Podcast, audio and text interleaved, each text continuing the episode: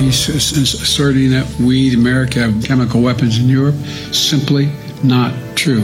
De Amerikaanse president Biden heeft het erover. Ook Rusland noemt ze en Oekraïne is er bang voor. What is next?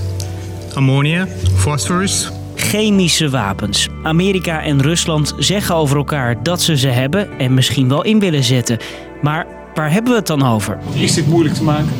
Uh, nee, het is niet moeilijk te maken. Ik ben Marco en in deze aflevering leg ik chemische wapens aan je uit.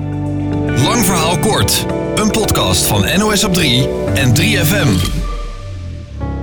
Allereerst, wat zijn chemische wapens? Het zijn niet-explosieve chemische stoffen die mensen verwonden of doden. Dat gaat vaak op een akelige manier. In Syrië bijvoorbeeld. Misschien ken je de beelden nog van kinderen aan het zuurstof in 2018 in de stad Douma. Een aanval met chloorgas zorgde voor tientallen doden en een veelvoud aan gewonden.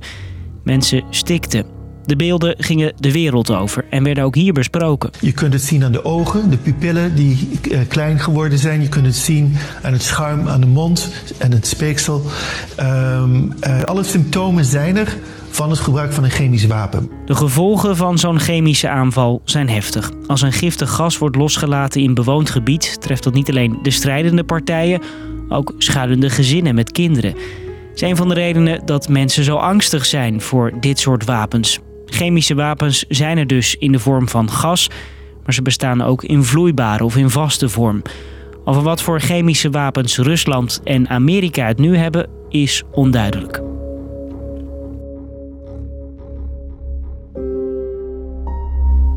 Omdat die chemische wapens dus veel oproepen, zijn er sinds eind jaren 90 afspraken over gemaakt. Na tientallen jaren onderhandelen door onder meer deze Nederlander. Ik ben in 1970 ermee begonnen. En als iemand in 1970 had, tegen mij had gezegd... het duurt 27 jaar voordat het in werking treedt... dan was ik waarschijnlijk nooit aan begonnen. Chemische wapens zijn nu in bijna alle landen verboden.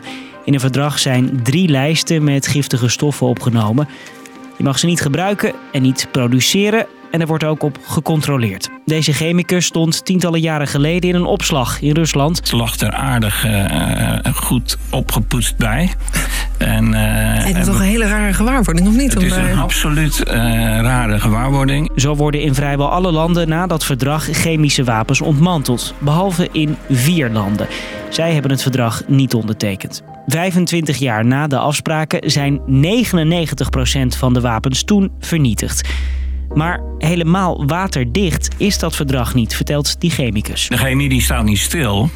Oftewel, eh, er gebeuren altijd wel spannende dingen rondom dat chemisch wapenverdrag. Ik zeg altijd, alles is giftig. Dat, uh, het gaat erom hoeveel je ervan maakt.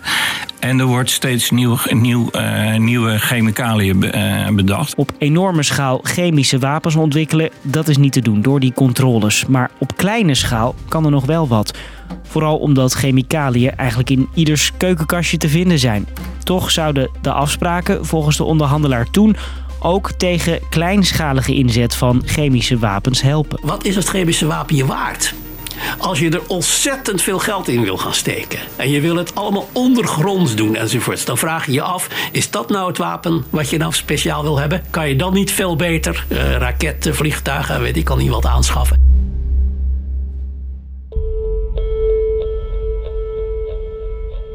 Chemical weapons. Chemical weapons. Chemical weapons. Ook Rusland en Amerika hebben dat verdrag ondertekend. En toch horen we ze praten over die chemische wapens. Hoe zit dat?